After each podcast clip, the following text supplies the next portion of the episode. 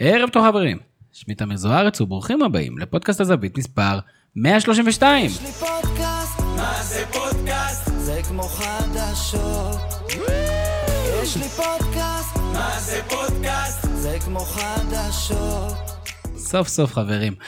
שוב אתם מצטרפים אלינו לפודקאסט הזווית, הפודקאסט של אתר הזווית, הזווית.co.il, כנראה הפודקאסט הביתי בתבל, ושבוע עמוס בפרקים, ואנחנו שמחים לארח אה, הערב חברים טובים, עכברי כדורסל ישראלי מהרמה התמוהה ביותר, ואחלה אנשי שיחה, את אה, מייסדי דף, דף הפייסבוק הפופולרי כדורסל שפל.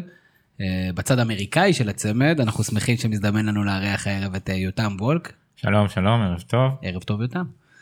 למה אתה מתפרץ? ערב טוב יותם. ערב טוב אני. יש פה, אתה יודע, אג'נדה ברורה לצורת הפתיחה. צודק, ערב טוב לי. יותם, לאנשים נורמליים קשה לעקוב אחר הכדורסל הישראלי. איך עושים את זה מחו"ל? א', לא נורמלים. אמ, עושים את זה מחו"ל דרך עזרה של חברים ומשפחה בעיקר, של חברים. מה- מה- מה זה עזרה? משפחה כאילו, מתכחשת אליי. מישהו מצלם מישהו שמצלם מישהו שרואה את שולח- המשחק? לא, משלח לי תקצירים, אסף שולח לי תקצירים ביוטיוב, שזה מה שמכבי חיפה כדורגל, כאילו אם אני רוצה לבכות, אז יש אופציה. אה, זאת אומרת, יש צד טרגי, אם אני רוצה להיות אומלל, אז יש. אופציה. יש- יש טרגי וטרגי יותר. אמ, אז לא, אז זה דרכם בעיקר, אמ, זה לא קל כי אני רוב השנה באמת לא פה. אמ, אבל זהו, שנה הבאה אני אחזור, ואז אה, אני אחזור בקאמבק רועש ומרעיש. חוזר, חוזר מההסגר. יפה. אה, יחד איתו הצד ששומר על הגחלת פה בארץ, אה, אסף חיי עדן. ערב טוב אסף. ערב טוב, הקפדתי על שם משפחה. כל הכבוד, ואני הקפדתי לא להתפרץ. יפה. אסף, טוב שיש מישהו כזה. מכבי חיפה שלך בילתה אה, שנה בליגה הלאומית, ואתה כמובן עקבת מקרוב. תן קצת לאנשים שפחות בקיאים בליגה הלאומית, אה, סתם, ברק, ציון לליגה הלאומית בכדורסל. אמ, זה תלוי עוד פעם אם אתה בן אדם נורמלי או לא. כי לאנשים נורמליים זה יראה קצת כדורסל אה, נגיד בהשוואה לליגת העל, כמה רחוקה ליגה לאומית מליגת העל? רחוקה מאוד, זה כדורסל שונה לגמרי, זה הרבה יותר אה, מלחמה, אין כדור בכלל. כזה. זה הרבה יותר, כדור סמרטוטים של פעם, שהיינו משחקים איתו זה הרומנטיקה, כי הוא לא קופץ. אז אה, יש מגרשים באמת שהם לא ראויים, גם לא ליגה לאומית, זאת אומרת, הבדל גדול מאוד במתקנים. גם בליגת העל יש מגרשים כאלה. אוקיי. אבל אה, הכדורסל הוא הרבה יותר מלחמה, הוא פחות זרים, יש רק שני זרים בקבוצה. אה, הרבה ישראלים שזה כיף, זה הצד הכיפי, אבל אה, הרמת כדורסל היא די נמוכה, בסך הכל. אגב, מגרשים, המגרש הכי מרגש בארץ, המגרש של הפועל כפר סבא בכדורסל, יש שם, שרטטו שם קווים, שבאמת, כל ספורט שאתה יכול לדמיין בעולם, מסורטט על המגרש, אתה לא רואה את הקווים שלך, כי יש 18, יש שם קווים לברידג', אתה, יש שם, מסדרים שם שולחנות של ברידג', זה המקום הכי מגוחך, כל המגרש קווים, זה מטורף, זה כמו, כאילו, איקס עיגול של פסיכופטים. יש לנו את השם של הפרק. עיגול של פסיכופטי. עוד איתנו כרגיל מפיק הפודקאסט ברק קורן, ערב טוב ברק. אהלן. ברק נבחרת העתודה שלנו, כמו בשלוש שנים האחרונות, שוב הרשימה. מצד שני, כל היום אנחנו מדברים על המצוקה של השחקן הישראלי. מה האמת? טוב, טוב, זה היה דחקה. אנחנו הולכים לדבר על הסיפור הזה, יפה. יפה, האמת חששתי מסיטואציה שבה תענה. ואז כזה זה יישמע מאולץ, אין לנו מושג, אנחנו רוצים לשאול אתכם. בגלל אתה זה חוטף. שבץ תוך כדי, חבר'ה, בסדר קצת לבן, אתה- לבן גם בהתחלה. אה, לבן יותר. בדיוק. אז אה, בפרק הזה אנחנו כמובן נעסוק בנבחרת העתודה, השאלה הזאת היא סוג של אה, מיקרו- מיקרוקוסמוס של הפרק שאנחנו הולכים לדבר עליו. אה, אנחנו גם נדבר על כדורסל שפל, על הפרויקט, איפה הוא נמצא כרגע. מה אתם רוצים לעשות איתו? אם אתם לא יודעים, כאילו אפשר לדבר על זה פשוט במהלך הפרק. אה, נבחרת העתודה, על האליפות האחרונה שהתקיימה, נקודות, אה, הנקודות חוזקה, מה אפשר לדבר עליה מבחינת עתיד. אה, כמו שאמרנו, של- שלושה שנתונים אחרונים חזקים של הנבחרת. אז מה, מה זה אומר? איך אנחנו מתרגמים את זה בסופו של דבר? ננסה גם לחשוב על איך באמת, במידה ובאמת יש מצוקה לשחקן הישראלי, מה הפעולות שאפשר לעשות, מה, מה אפשר להמליץ. אה, יש נבחרת נוער שעכשיו משחקת ומנצחת כל משחק בממוצע 80-90 נקודות, ננסה להבין האם הם משחקים באותו ענף כמו השחקנים שמשחקים מולם. אה, ויש לנו גם בונוס, יש לנו בונוס של מועדון האוהדים של לוטון, כדורגל, זה, זה, ו... חייבים לפתוח לוטון כדורסל. אה, לוטון כדורסל זה יכול להיות too much מאתגר. בשבילי אפילו. ויש לנו גם קצת שאלות גולשים, אה, אז בואו נרוץ קדימה, כדורסל שפל, אה, דף פייסבוק סופר פופולרי, זו הפעם הרביעית כבר שאתם מתארחים אצלנו בפודקאסט, אז כבר סיפרתם, אבל בואו תספרו לעוד אנשים, בואו נחשוף עוד אנשים. יותם, מי? יאללה. אה, כדורסל שפל הוא פרויקט שהקמנו ב-2016, שזה ממש מזמן. ורצינו לעשות בעצם כמו עמוד הכדורגל הפופולרי מאוד, כדורגל שפל, אה, שבעצם נתנו חשיפה לליגות הנמוכות, ונתנו מקום לליגות הנמוכות אה, בתודעה הציבורית. אז אמרנו, בוא מגניב, גם בכדורסל, גם ככה הסיקור התקשורתי בכדורסל הוא יותר נמוך ופחות תופס, אז בואו נעשה את זה גם. אה, ובאמת התחלנו ככה. עם הזמן גם קצת שינינו פאזה גם מגרשים מרחבי העולם וגם הכנסנו לזה את חוש ההומור שלנו. הכנסנו טורים מעולים כמו יומנו של שופט, שעדיין רץ ולפעמים כשבא לו, אה, ובאמת נותן לנו איזה זווית מיוחדת שאין. אה, וזה בעיקר אם אתה מקשיב, אנחנו אוהבים אותך. אנחנו אוהבים אותך, תכתוב עוד. אם אתה אי שם. אם אתה אי שם, אדוני. אה, בהחלט פינה מאוד מוצלחת, גם דיברו על זה גם כן מבחינת הגולשים שלנו. אם אתה אמיתי, תכתוב עוד. כן, לא, לא, הוא כבר, הוא נחשף. הוא נחשף, הוא חשף את עצמו. הוא כבר נחשף, וזה כמו במסכה. אז הוא נחשף. מה וכן, מה, איך אתם מתחזקים את זה כשאתם לא נמצאים באותה יבשת? זה דווקא נוח, כי אם יש דברים שקרו בין באמצע הלילה, אז תמיד יש מישהו שמוכן לתזמן את זה על הבוקר. אבל מה השפל ב-NBA? יש הרבה. מלא. הרבה צעדים בעיקר. ומה? ג'י.אר סמית שחקן NBA, כאילו. נכון, זה די שפל, זה די שפל. לא משנה. יפה.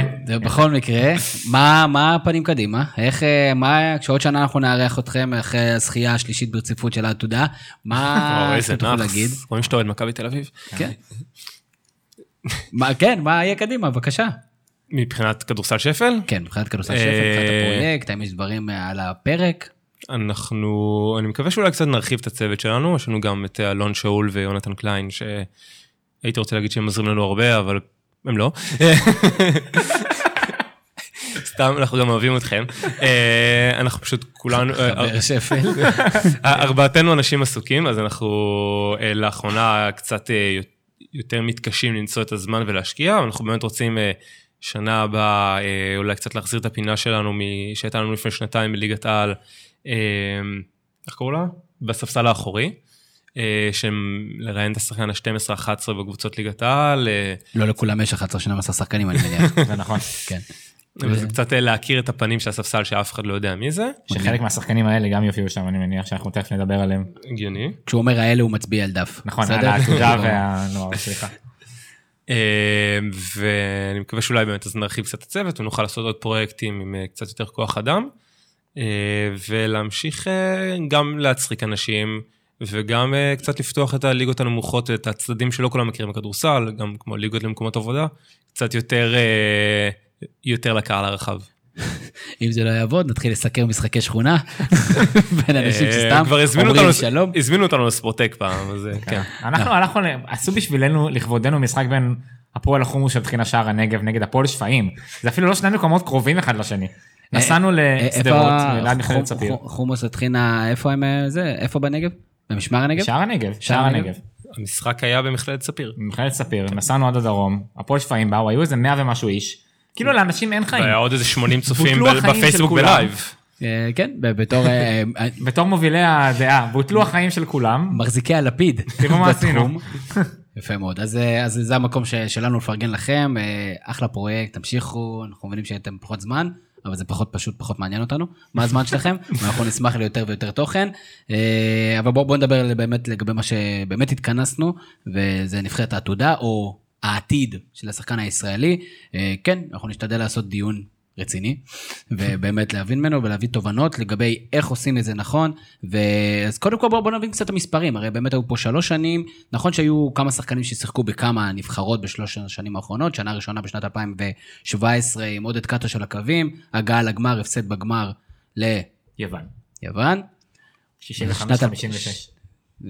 תודה. 2018 זכייה כמובן עם בית הלחמי, ב-2019 זכייה. יש הרבה שחקנים שהם בדור הזה, זה ממש דור זהב, שלוש שנים האחרונות דור זהב, לפחות במונחים של, של התעודה. אז אסף, אתה קצת הכנת שיעורי בית, וקודם כל בואו בוא, נ...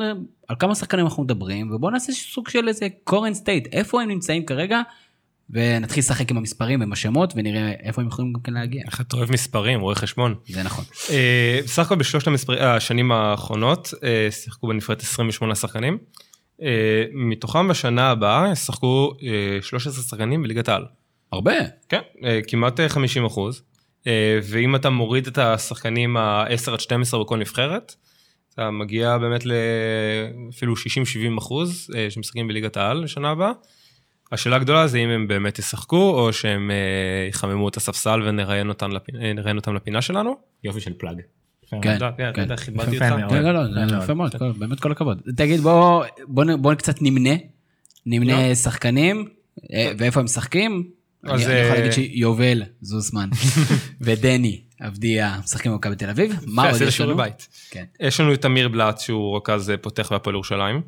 אה, גיל בני ששיחק בגלבוע גליל העונה יחד עם אה, נתנאל ארצי שהיה איתו ב-2017. היה קפטן של נבחרת העתודה של שנה שעברה, גיל. של 18, כן. אה, בגליל יש לנו גם את אה, יותם חנוכי שהיה השנה. אה, אמרת את אה, יובל זוסמן, אה, דניאל קופרבגי במכבי חיפה, אה, בריסקר בהפועל תל אביב, הבן של. הבן של. אמא יש שלו. לנו כמה, אה. יש לנו כמה בנים של ברשימה. אוקיי. אה, פליישר שחק גם בגלבוע גליל, שכחנו לציין אותו, הוא עבר מאשדוד.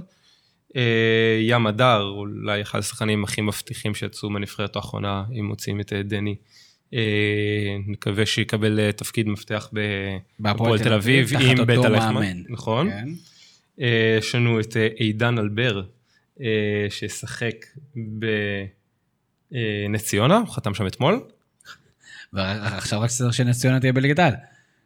היא היא בליגת העל? הם ליגת העל, כן. הם- עלו יחד עם גם? בכדורגל, גם בכדורסל. אה, לא, הם שם הרבה עכשיו- שנים. ציונה כבר הרבה זמן בליגת העל. סתם, סתם, אני צוחק. אתה לא מכיר את שיר- האוהדים של. נס ציונה?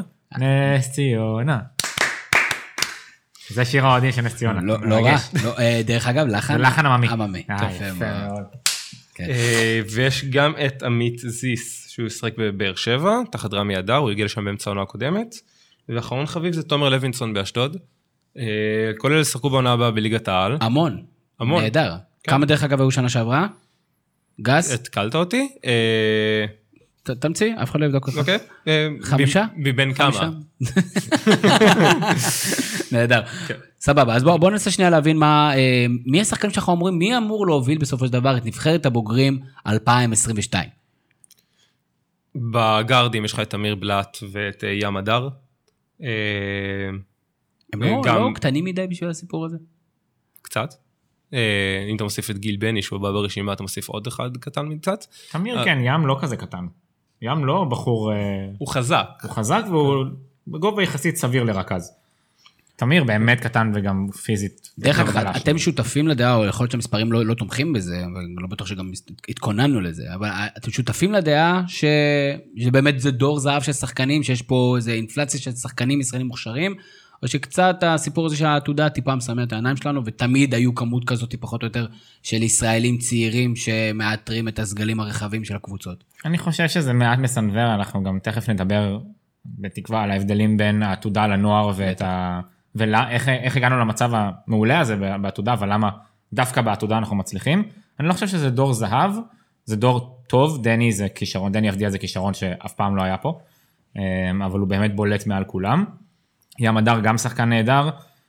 בסופו של דבר אני לא חושב שזה איזשהו דור גם לא, זו- גם זוסמן שחקן מצוין. זהו, כן, רציתי, נכון, רציתי נכון. להגיד שבשנה שעברה באליפות, נכון שדני היה רק בן 17, שזה סופר קטן, אבל הכוכב של הקבוצה הזאת היה יובל זוסמן, שנתן אליפות פסיכית, נכון? גם היה את, אה, את תמיר בלאט, לא היה? שנה שעברה הוא לא היה. סליחה, היה את. גיל בני והיה את בריסקר והיו הרבה שחקנים טובים, אבל אה, ללא ספק אה, יובל היה השחקן המרכזי, והוא גם במכבי תל אביב נותן דקות יורו ליג סופר לגיטימיות, שחקן ליגה טוב.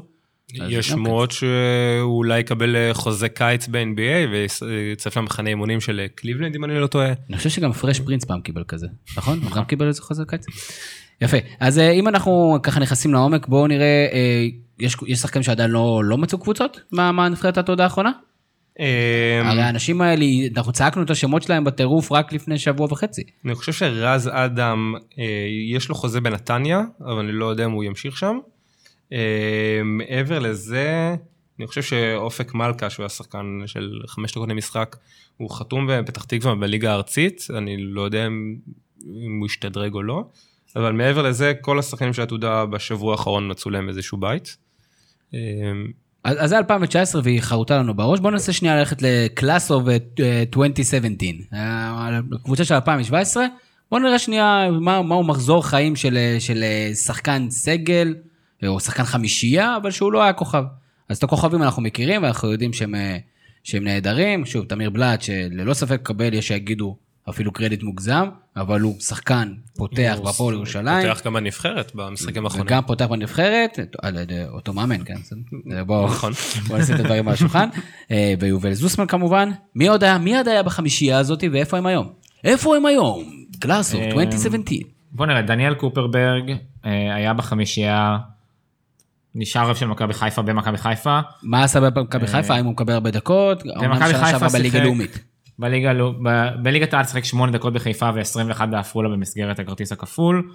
אה, אה, ד- אני כמובן יודע. חוק הכרטיס תזכיר לי הכפול מה זה הכרטיס מאפשר הכפול. לשחקנים צעירים עד גיל 22 אני חושב, אה, לחתום בקבוצה מהליגה הלאומית. או ארצית. או הארצית ולהיות שייכים זאת אומרת גם לליגת העל וגם לליגה הלאומית סלש ארצית. בראייה שבליגות האלה הם יקבלו דקות משמעותיות. כדי שלא יהיו רק מחממי ספסל במרכאות. זאת אומרת, ו- גם לא לוותר על שייכות למועדון גדול ולהזדמנות שתיקרא בדרכם, אבל ולשגרת מצד שני. ולאימונים קשים יותר מול שחקנים זרים כמה שחקנים. מש- מנצלים את האופציה הזאת של כרטיס כפול? כי זה נראה לי לא מאוד מעט. קשה. זה- גם- אני- גם לא- גם לא. הרבה. אה, יש כמה קבוצות שלא כך אוהבות את זה, כי אתה מפסס אימונים, גם בעל וגם בלאומית, אה, אבל בדרך כלל לקראת אמצע העונה זה משהו שגובר פתאום. שיש לנו יותר שחקנים שעוברים, כי הם רואים שהם לא מקבלים דקות והם לא הולכים לקבל דקות. אה, ואני חושב שהשנה, אם באמת מספר הזרים, אה, כאילו מספר לא יהיה חוק רוסי, אז יכול להיות שזה קצת יגדל, כי באמת פחות שחקנים ישראלים ישחקו וצעירים כמעט לא ימצאו מקום בליגת העל. זה נקודה, ואנחנו נדבר על החוק הרוסי, אני מניח שהדעות, אה, גם שם נשמח לראות את שני, שני הצדדים של המטבע בסיפור הזה. אה, אז אוקיי, זה דניאל קופרברג, שחוזר לליגת העל, וכמובן נאחל לו, דניאל, מאחלים לך בהצלחה. מי עוד? מי עוד היה בחמישייה הזאת חוץ מתמיר בלאט ו... ויובל זוסמן? אה, היה לך את נתנאל ארצי, שעונה שעברה הוא נבחר השחקן המשתפר בליגת העל. הוא קיבל מבית הלחמי בגלבוע 23 דקות, והוא היה באמת נת- נתן המון המון אנרגיות, אה, שיפר קצת הקליעה משלוש, אה, והוא, אני אישית מכיר אותו מגיל 15, והוא רשם השתפרות מטורפת בשנים האחרונות, אה, שזה מפתיע אה, וכיף לראות. ויש לך גם את אה, רועי אובר, שהוא. פתח כמובן את אה, חברת המוניות. בדיוק. כן. אז הוא... תגידי לאיפה זה הולך, כן, הפתח זה- כמובן, זה- פחדתי. אה, ובצדק, מסתבר. אז הוא האחרון אה, מבין החמישייה, הוא דווקא הראשון שקיבל דקות משמעותיות בליגת העל, אה, כשהוא שחק בחולון, אה, עוד לפני האליפות, אבל דווקא אחרי האליפות הוא קצת הלך אחורה, ומכבי חיפה הוא קיבל משהו כמו 10 דקות למשחק, ואז חזר לחולון, גם באזור ה-10 דקות, ועונה הבאה הוא דווקא יורד ללאומית לגליל עליון. אני חושב שזה צעד טוב עבורו, כי הוא אולי קצת קטן פיזית לליגת העל כרגע, ויכול להיות שזה אה, ייתן לו קצת יותר ביטחון, וגם קצת לעבוד על עצמו, ואני חושב שבלאומית הוא שחקן מצוין. אז, אה, אז לפני שנרוץ קדימה לשאר השחקנים, נעשה איזה פאוזה זה, ובוא נדבר שנייה על יותר מה שהתחלת לדבר. יש לנו שחקני עתודה ברמה אירופאית סופר גבוהה, דרך אגב זה לא חדש, היו הנבחרות עתודה מסורתית, הצליחו לעשות אה, הישגים יפים. מה ההבדל? אני חושב שההבדל הוא, ש... ומה שפחות אה, שמים לב במרכאות, זה שכשאנחנו מגיעים לנבחרות עתודה, הרבה נבחרות לא שולחות את השחקנים הכי טובים שלהם בגילאים האלה. שחקני עתודה, זה, זה הגיל שבו אתה עומד להיבחר בדראפט, זה הגילאים שבהם נבחרות לאומיות לא מסכנות את השחקנים ברמה הזאת, אלא הם הולכים למחנות לקראת הדראפט או להתאמן. נבחרת צרפת שניצחנו בחצי הגמר לא באה עם שבעה שחקנים, כולל prospect בערך במקום שדני אבדיה top 10 ב-2020 בשנה הבאה, ועוד שני פרוספקטים גבוהים, כולל סקו דומביה שעכשיו נבחר בדראפט. זאת אומרת, יש הרבה שחקנים שלא מגיעים. אנחנו אחת מהנבחרות הבודדות ששולחת את הנבחרת הכי חזקה שלה. לא, לא הבודדות. מה, מהבודדות בנבחר, ב- באליפות, לפחות בשלבי הנוקאוט ששולחת את הנבחרת הכי חזקה שלה. ספרד גם לא שלחה מספר שחקנים. אמ, אבל, אבל אני בסדר עם ההשוואה שלנו לשתי מעצמות ספורט עולמיות בכל אני ענף. חושב שזה באופן כללי, ב- ב- כשהפרוספקטים הבאמת טובים או הבאמת גדולים, לא- בדרך כלל לא מגיעים לאליפות הזאת, זאת אומרת, אני אוציא את דונצ'יץ' מהמשוואה, כי דונצ'יץ' היה פנומן בגיל 16, זה שונה, אבל המון המון מהאנשים האלה לא הולכים לאליפויות האלה ישר בגיל הזה, לעומת זאת בגילי נוער הם כן שם. אוקיי. אמ, ולכן בגילי נוער אנחנו קצת פחות טובים. אמ, אני לא מוריד שום דבר מהנבחרת, ההישג של הנבחרת שלוש שנים רצופות להגיע לגמר, אני חייב להגיד פעמיים שזה רצופות נשמע. שאתה מוריד מה הנבחרת. לא, זה הישג מדהים. אולי בצורה לגיטימית, אבל אתה לא יכול להגיד אני לא מוריד, אתה אני מוריד. מוריד טיפה. לא, זה הישג באמת באמת מרשים, אבל מה, נבחרת כמו ליטא, לא מביאה את המחירים שלה? לא. יש כמה שחקנים בליטא שלא הגיעו, ידעת שיש הבדל בין ליטא ללטביה? בוודאי. לטביה זה קריסטס וליטא אני. כן. זה שרס. אה, אבל אני חושב שיש... אני חושב שיש עוד נקודה מעבר לכמות השחקנים שמגיעים או לא. אגב, שתי המדינות עשויות מהצבע האפור, וזהו. גם לטביה וגם ליטא עשויות מהצבע האפור. מה- מה מה זה אומר? אין שם כלום, זה כאילו. ברית המועצות שנשארה באותו מקום. אנחנו מתחילים להידרדר, כן. אני אמשיך. וזה לא התחיל- וזה לא התחיל גבוה. בדיוק. כן. אה, אני חושב שיש קצת מעבר לזה שלא כולם שולחים את כל הנבחרות. אני חושב שמאז אה, ההצלחה של העתודה בתחילת שנות האלפיים בישראל, יש מין איזה אייפ מסוים מנבחרת העתודה, ובאמת אה, הנבחרת עצמה מגיעה הרבה יותר מל- מלוכדת מנבחרות האחרות. מגיעה כקבוצה, ושאר הנבחרות לרוב מגיעות כאינדיבידואלים. אה, והעצם זה שאנחנו ביחד, והמלחמה, והשלושת אלפים אוהדים כל משחק, זה, כאילו, זה לא דברים שקורים בגילאים האלה, זה משהו שלוקח את ישראל לפעמים צעד קדימה על גבי שאר הנבחרות. ובמקום הזה גם מילה באמת טובה לאריאל בית הלחמי שזה כל הבסיס של, ה, של הקבוצה, זה בהובלה שלו של לבנות אותה כקבוצה וגם הראייה של פיני גרשון לבנות אותם כקבוצות שרצות לאורך שנים, במקום, שזה גם קצת עוזר בזה שאנחנו מדינה קטנה יותר, שאותם שחקנים רצים לאורך המון המון זמן, כשבצרפת וספרד וכולי מספר השחקנים הרבה יותר גדול, אז הם פחות כאילו מלוכדים כ, כקבוצה. הרבה יותר. ברור מהם אותם שחקנים שרצים ומי הם אותם כן, כאלה שמנסים לקדם. ובמקום שבו הפערים הפיזיים עדיין לא כל כך ברורים, כמו בעתודה, אז אנחנו, המלחמה הזאת עוזרת לנו, ואנחנו, והיו כמה משחקים שבאמת הוכרעו על הלחימה הזאת. בגילאים קצת יותר מתקדמים הפערים הפיזיים הם, בסוף אין לנו אף סנטר 2.25 אה, עצום, ש... שזה בסדר. עוד פעם אתה ממציא גבהים. מה זה 2.25? איזה שחקן 2.25 יש? יש, טאקו פול, שחקן כן. 2.31, בול בול. בול בול שהוא 2.29, זה המון. טאקו בל. טאקו בל זה מגעיל נורא. אה, דיברת על זה שהפרוספקטים לא באים, אה, כאילו, בעיקרון אם, אם אתה prospect ענק יש לך רק מה להפסיד באליפות כזאת, אם אתה בדיוק. prospect ענק אתה כבר רשום בדראפט גבוה, אם אתה נותן לו אה, תצוגה גרועה אתה מתרסק, אז אבל דני אבדיה, נכון, אז זה-. הוא דווקא לקח את האליפות הזאת בשתי ידיים, ולדעתי הוא חיזק את המעמד שלו מאוד. חד משמעית. היה עוד, בוא בוא נדבר. שנייה באמת על דני אבדיה, הרי חייבים לדבר עליו, אז א', הבן אדם אוהב לשחק. הוא ממש אוהב לשחק, הרי היה איזה דיבור איזה שהוא ילך לאליפות הנוער אחרי שזכית בעתודה. שנתיים. בסדר, ש- מטורף, לעשות שתי אליפויות back to back, אין לך כאילו שנייה לנשום. והוא שיחק יש השנה, לך, כל הוא שיחק השנה. השנה בליגת, בליגת, אבל הוא שיחק השנה גם בליגת הנוער בנוסף למכבי תל אביב, ואליפות לבתי הספר, זה השנה או שנה שעברה, הוא גם שיחק כאילו. בוא, בוא ננסה להיות שנייה אובייקטיביים כלפי באמת אה, היכולת של, אנחנו הרבה מדברים על זה, גם קבוצת הבלוגרים, וגם אני מניח שכל ישראלי בערך ש, שנשם ספורט בהיעדר ספורט אחר בחודש האחרון דיבר על סיכויי ההצלחה של דני אבדיה, אנחנו מבין ש, מבינים שאלה אם כן יקרה באמת קטסטרופה, הוא ייבחר סיבוב ראשון, או החלק העליון של הסיבוב הראשון, ויקבל חוזה מובטח, ויהיה לו את השלוש שנים אה, להתחיל לרוץ ולנסות להשיג את עצמו. מה דני אבדיה צריך לשפר כדי להיות שחקן משלים, שחקן לגיטימי, שחקן שיכול לקבל דקות סבירות ב-NBA, וגם באיזה עמדה. הרי השחקן הזה כרגע בנוער הוא יכול לשחק הכל, אבל אה, ב-NBA הוא לא ישחק יכול- לא יכול לשחק הכל. אמ, זה קצת אה, מצחיק, אבל הוא כן צריך לראות עצמו, את אה, לוקה דונצ'יץ' כמין מודל לחיקוי. הם פיזית, הם יחסית בנויים דומה. אני חושב שדני בן צריך להתרכז יותר בעמדות הגארד או הסמול פורד, ולא להיות בעמדות הגבוהות, כי הוא לא מספיק פיזי לזה. אבל כן, יש לו את היכולת המסירה הפנומנלית, באמת, וגם כדרור. הוא צריך קצת לשפר את הזריקה שלו. אם הוא יפתח את השלשות, אה, זה, מאסט היום ב-NBA. זה, זה מס, בדיוק. אם הוא יפתח את השלשות לרמה גבוהה יותר, הוא בהחלט יכול להיות שחקן משלים טוב ב-NBA, אה, כי באמת יש לו את, את כל הנתונים. יש גם כמה פרטים טכניים, זאת אומרת הוא חייב להיות shooting guard, forward הוא, הוא קצת קטן מדי והוא לא מספיק מהיר כדי להיות רכז, לדעתי הוא חייב להיות shooting guard כ... או small forward. small forward הוא גם, הוא קצת קטן מדי. אמ, אבל, אבל לזה small.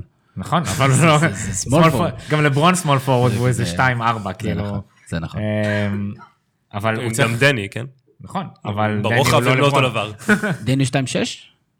משהו כזה. אני חושב שאתה צודק. אבל הוא, יש, אז גם זריקה היא כמובן מאוד חשובה, גם ברמה הטכנית לזרוק מהר יותר. נגיד, זאת הייתה בעיה שלגל מקל הייתה, שהזריקה שלו היא, היא טובה, הוא זורק מאוד מאוד לאט, ושחקנים ב-NBA מכסים את המהירות הזאת מאוד מאוד מהר, כי הם מאוד מאוד גדולים ואתלטים ומהירים. אמ, וגם קבלת ההחלטות, וגם קצת להוריד מהפוזה, כי פה זה אחלה, הפוזה הזאת של אה, להתגרות בספסל של ספרד, או לעשות פרצופים לכל החברים שלו ל- לנבחרת, שזה אחלה, ואני מבין את זה משחקן שעומד להיבחר בסיבוב הראשון, ושהוא הכוכב בכל מסגרת שהוא נמצא בה, חוץ מביורוליג ומכבי תל אביב, הוא קצת צריך להוריד את רמת הפוזה הזאת, ולרדת. להגנה. אבל הוא ילד. אה, ילד. יש לא- ילדים, לוקה דונצ'יץ' גם ילד, כאילו, עזוב, גם לא לוקה. כשאתה אתה לא ילד, יש? הולך... ילד ב- לא יכול לפתור אותך מהכל. שאתה אומר. לא, גם כשאתה אתה לא ילד לא, כשאתה אתה לא- הולך להיבחר בדראפט. הבעיה שלי איתו, שוב, זה שחקן מדהים, בינתיים, היא שלפחות ב-NBA, אתה צריך שיהיה לך משהו אחד, לפחות איזה פיצ'ר אחד שאתה מצוין בו, שאתה קיצוני, ואגב כספי לפרקים היה קלעי מהטובים ב-NBA, או לפחות מאוד גבוה בכלייה מבחוץ. אין לו, אני לא יודע, אולי אני מפספס, אין לו איזה פיצ'ר. שהוא מדהים בו ויכול להצליח בזכות, בזכות הפיצ'ר הזה ב-NBA, בטח שלא כולם יהיו פיזיים כמוהו או יותר ממנו. אבל כשעומרי הגיע לליגה, הוא ממש לא היה עומרי של אחרי שנתיים שלוש. זאת אומרת, מבחינת... נכון, אז זה משנה מה, הוא היה דווקא בהתחלה כן all around אז player. השחקן שאנחנו רואים כרגע הוא, מה שנקרא הם מחפשים פוטנציאל משהו לבנות עליו אבל הוא לא כרגע בשל בשום צורה שהיא הוא לא יכול לעשות כרגע שום לא דבר. הוא לא אגב, בשל היום לא בטוח לבוגרים. אפילו במכבי תל אביב שרוצים שהוא ישחק איזה 30 דקות הוא מה שנקרא אפשר לבנות אותו אבל צריך אני- לבחור לו איזה כמה פיצ'רים ולהקצין אותם. מסכים לחלוטין, אני חושב שזה תהיה חייבת להיות הזרקה לשלוש, בכמה שיותר, בשחרור מהיר, אני חושב שסך הכל יש לו שחרור מהיר, לא פחות מהיר דרך אגב מכספי לדעתי, לכספי אין זריקה, תמיד יש לו את הזריקה קספי גמלונית קצת יותר גבוה. וזרק קצת יותר מגבוה, זה היה קצת... דני זורק מה... הוא טיפה יותר גבוה, הוא 2.8 לדעתי. אמ, והוא אנחנו זרק- נבדוק את זה. והוא זרק גם, מ... מ- הוא גם זורק קצת יותר מגבוה, אבל גם, כמו שאמרת, לעומרי לקח זמן לבנות את הזריקה הזאת. ועדיין הייתה לו שנת רוקי נהדרת. הייתה לו שנת רוקי מאוד מאוד טובה. אמ, דני 2.2. דני 2-2 וכספי וכספי 2-6. אז אז יותם יצא וצדק. שזה... בן אדם. אבל אם נחזור, אבל אם. נחזור, לכ- אם נחזור לכספי, כספי באמת היה all around player, היה שחקן כזה של אה, מסירה טובה, חוכמת משחק, חיתוכים לסל. קספי גם לא. קודם כל היה שחקן של הגנה. שזה קצת חסר ל- לדני, ההשקעה ההגנתית הזאת, הוא שחקן שיש לו את הממדים הפיזיים לזה, אני לא ראיתי את זה ממנו בנבחרת ב... אה, בעתודה נהדר בהגנה. אבל את הבלוקים שהוא נתן בעתודה, יהיה לו מאוד קשה. לתת זה ב-NBA. בלוקים שהרבה יותר קשה לתת. שוב היתרון הפיזי שלו שבלט משמעותית בעתודה הוא בטל נכון. ב-60 בכלל בליגה של בוגרים אז אין מה להתייחס בכלל ליתרונות הפיזיים מה שנקרא. דרך אגב, גם ברור שזה זה נכון בכל מקום, אה, גם שאלה איזה קבוצה הוא יגיע. הרי. לכספי הסיטואציה בסקרמנטו הייתה נהדרת. ויכול להיות שהוא יגיע לקבוצה... הלוואי דני, ודני יגיע לסקרמנטו, או לשרלוט. כן, אם הוא יבחר, ייבחר, בוא נגיד, זה יכול להיות קריטי אם הוא נבחר בעשירייה הראשונה או שהוא נבחר בעשירייה השנייה. כי בעשירייה השנייה פתאום אתה הולך למקומות שיש שחקנים טובים והם יאכלו אותך. זה גם מאוד תלוי מאמן, כי כאילו, זה מצחיק שאנחנו מדברים על זה לעוד שנה, אבל מאמן כמו פופוביץ' יכול לעשות ממנו קסמים. נכון. ו- מאמנים ו- אחרים. ואם בית הלחמי יהיה שם, חד משמעית. בכלל יהיה לו הרבה בא יותר. כעוזרו של פופוביץ'. טים דנקן שם. איזה מרגש. אם אתם צריכים להמר איפה אנחנו, איפה דני יבדיע עוד שלוש שנים? אמ, וואו. אל תקליט אותי. אה, כן, אתה צודק. לא לא לפרוטוקול, לא שקורה. לפרוטוקול תגיד. בכלל לא המטרה של מה שקורה בו. אני מהמר שהוא יהיה שחקן אה, 9-10 בקבוצת NBA. אה, הוא ייתן את ה-10 דקות שלו למשחק, פלוס מינוס. הוא לא יהיה לו עונת רוקי או עונה שנייה מהטובות, אבל הוא כן יבנה את עצמו שהוא יוכל להישאר בליגה לעוד כמה שנים. אגב צריך לעשות פה איזה תיאום ציפיות כלומר אתה נותן איזה תסריט שהוא לנו פה בשולחן לצורך העניין ריאלי, אבל לפי התקשורת ולפי איך שמנפחים את הסיפור בחודש האחרון, מצפים ממנו להיות שחקן של שנה הבאה 20 נקודות ביורוליג ועוד שנתיים 15 נקודות ב-NBA, צריך לעשות פה איזה תיאום ציפיות ש- שזה מה שאנחנו מכוונים, זה הצלחה מה שאתה אומר. אני, אני חותם עכשיו על אה, 15 דקות אה, למשחק שיהיה לו ביורוליג, זה תהיה שנה מדהימה עבורו. למען הסר ספק, לו כרגע של כספי זו הצלחה, כאילו זה לא... קריירה של כספי לחלוטין. אין ספק, 15 אין דקות. לדני ביורוליג. זה די הרבה. אני אומר, זה יהיה מדהים. אני לא חושב, אני לא רואה זה קורה. כי אה, מכבי תל אביב גם עזוב מנסה אותך, לשמור על... סופרופולוס לא רואה את זה קורה. אגב, אני לא- אה, אני לא מאשים אותו. אני לא כזה בטוח שלתת לו 15 דקות ביורליג זה יהיה טוב בשבילו מבחינת הדראפט. אני גם לא חושב. כי ביורליג הוא לא יהיה, הוא לא כוכב, הוא לא יהיה מה שלוקה היה, וזה יכול קצת להוריד אותו. זה- נקודה חשובה. יש לי שאלה פה לקהל, מה שנקרא, מה האינטרס של מכבי תל אביב כרגע להשקיע בשחקן? כלומר, למה שמדברים על זה שאל תורידו אותו 20 דקות מהמגרש וכן וכן, אבל מכבי תל אביב יודעת ששנה הבאה הוא לא יהיה. מה האינטרס של מכבי תל אביב להשקיע בו החל ממחר? זו שאלה מעולה, וזו אחת השאלות הכי טובות של הכדורסל האירופאי באופן כללי. אין אינטרס בכדורסל האירופאי אה, להשקיע בשחקנים צעירים. אה, הם כן יקבלו עליו כסף כשהוא ייבחר בדראפט, אני לא יודע אם זה משתנה לפי סדר הבחירה, אה, אבל בעיקרון, הם, אין להם אינטרס ממשי לזה.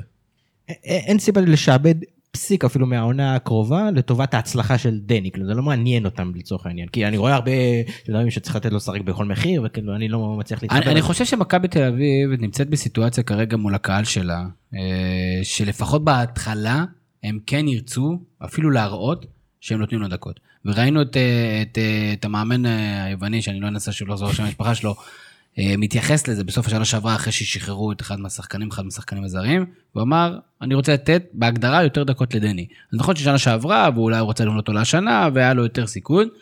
אני חושב שאיפשהו הם ינסו לקרוץ לקהל, כי הקהל כן ירצה דקות. אני מסכים. במידה ושניים, שלושה, ארבעה משחקים, משמעותי. והוא חשוב למכבי תל אביב, תמיד מכבי תל אביב הייתה קבוצה שמאוד עד עד לקהל שלה. שמפסידים, אתה יודע. עד שמפסידים, לחלוטין. זאת אומרת, זה יהיה גם חובת ההוכחה עליו, כדי להראות שהוא מסוגל אה, לקבל, אבל אני בטוח שהוא יקבל הזדמנות בהתחלת העונה.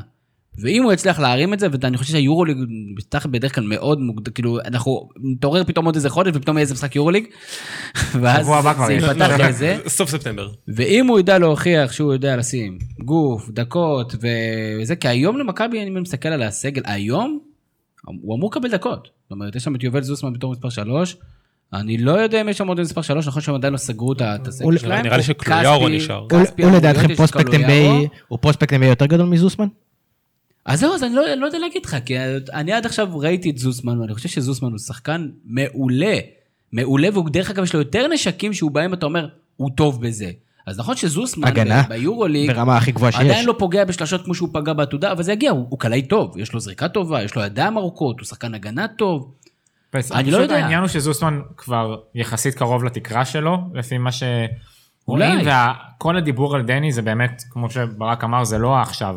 הפוטנציאל המטורף שמדברים עליו זה כאילו כישרון כזה שעדיין לא ראו, ומדברים על הפוטנציאל שלו. זוסמן, שהוא שחקן נהדר, ובאמת הגנה מהטובות שיש ב... ברמות האלה. גם הגנה טובה ברמת יורוליג. כן, כן, הגנה מצוינת. אוקיי, אבל ברמת ה-NBA, כנראה שזה לא הגנה הכי טובה ב-NBA, ומבחינה התקפית אין לו יותר מדי מה כן, למכור ב-NBA. מבחינה התקפית קשה לו... זה. NBA זה כוכבים. זה, זה, זה הכוכבים, במיוחד עכשיו שה-NBA כל כך השתנה, ואתה באמת, ברק אמר את זה מאוד נכון. אתה חייב להיות סופר טוב בניואנסים. שזה רק להעריך את כספי שישב שם. עשר שנים, כולל לא, כאילו לא, כספי זה משחקים. טירוף, וגם פסיכיים, היה לו משחק נגד היופי של סטף. כספי זה היכולת שלו להתאים את עצמו במשך השנים, הוא. פשוט השתנה מספר פעמים בשנה, עד שזה בשלב מסוים אכזב את סטיב קר, של למה השתנית לי באמצע, למרות היה לו משחק נגד סטף קרי. שהם עשו דו-קרב של כאילו שלשות שם, איזה שש שלשות רצוף היו. תחשבו על רק. חבל הפציעות. תחשבו על נכון. NBA בסיטואציה כזאת שבה דמיאן לילארד, שהוא אחד הקלעים הפסיכיים בתולדות הליגה, מגיע לסדרה נגד גולדן סטייט, והורגים אותו. זאת אומרת, קבוצת NBA שרוצה להרוג אותך, היא תהרוג אותך. אותך, נכון. כולל מה שעשו לסטף, כולל מה שעושים לפעמים לדורנט, באמת יש שחקנים מאוד מאוד ספציפיים שלא משנה מה ההגנה תעשה. אז אם מישהו ירצה לעצור את אה, יובל זוסמן או את דני אבדיה, הם יעצרו אותו, כן. זה בטוח, זה ברור. נכון. בואו נדבר על עוד אנשים אה, בתחום הזה, ים הדר, התחלנו לדבר על זה. קודם כל, אני כתבתי על זה טור, שאני, כיומני היקר, אני התאהבתי בשחקן של הפועל, מה, מה לא בסדר איתי, איך אפשר לעצור את זה? אבל מה התקרה של ים מדר? כי אני גם התחלתי לשמוע כל מיני שמועות NBA וזה, אני, אני לא חושב שזה בסקאלה הזאת. הוא מאוד קטן פיזית. בדיוק. אה, יהיה לו מאוד קשה, אבל הוא מאוד מאוד מזכיר את אה, קיירי ארווינג בסגנון משחק שלו. הוא גם חושב שהכדור הכדור הארץ שטוח? אני לא אמרתי בסגנון משחק, כאילו אילומינטי. ב handling, קצת בהתקפה קצת ב handling. בוא, אה, להתעל- להתעלות באילנות גבוהים זה understatement מה שעשית פה כרגע. לא, אני חושב שהתקרה שלו היא פלוס מינוס אה, רביב לימונד כזה, אולי סתם כי הוא בהפועל אז מזכיר אותו, אבל אה, רביב נתן קריירה מדהימה, אז אה, אני מאחל לים מדר את אותו דבר. אה, הוא שחקן מעולה, והוא... למי שקצת עקב אחרי הכדורסל בשנים האחרונות, זה לא מאוד הפתיע אותו שהוא נתן את האליפות הזאת. ראינו קצת מזה בדרבי, אחד הדרבים השנה, שהוא נתן משחק מעולה, ואם הוא יקבל השנה דקות, ונראה לי שזה הולך לקרות, יהיה לו, הוא ממש יכול להתפתח. אני לא רואה את זה מגיע ל-NBA, אבל אולי הוא כן יכול להגיע ליורוליג, אה, או לרמות האלה. פה, מה שנקרא, אני מכניס את שאלת השאלות, לפחות מבחינתי, מבחינתי אה, אתם גם עוקבים אחרי ליגה לאומית, אז אתם יודעים להגיד את זה. עכשיו יש את כל החבר'ה של, העתודה, נגיד דני ומדר בצד, מה מבחינתכם, מה יהיה הכי חשוב מבחינת החבר'ה האלה? לשחק 15 דקות בליגת העל, או לשחק 35 דקות בליגה לאומית, מה יתרום יותר לקריירה שלהם לדעתכם? אגב, אני מסתכל גם על אה, דני, אם עכשיו הוא לא ישחק, הוא יכול לשרוף שנה, שזה קריטי, יכול להיות בקריירה שלו לשרוף שנה בגיל הזה, אז אולי אפילו הוא, אבל נגיד שהוא בצד. כל היתר, אה, מה הייתם ממליצים? מבחן היונתן כהן. זה, זה באמת קריטי, בכדורסל עוד יותר. אבל, קריטי. אה, הלוואי שהשאלה שלך הייתה נכונה, אבל זה לא 15 מול 35, זה על 8-10 לעומת 35. אה, אם זה 15 דקות בליגת העל, הייתי, כל שחקן צעיר הייתי לוקח את זה. כי זה אומר שיש לך משחקים שאתה יכול לפרוץ, ומשחקים שאתה לתת משחקים גדולים, ויש לך הזדמנות להוכיח את עצמך. אבל כשרוב המקרים זה מדובר על 5 דקות פה, 10 דקות במקסימום, זה לא בטוח שזה עדיף. יכול להיות שעדיף לך לתת את ה-35 דקות בלאומית, להתפתח יותר כשחקן, קצת לרכוש ניסיון. אה, ומצד שני, בליגת העל אתה גם מתאמן עם שחקנים הרבה יותר טובים, וזה גם שיקול.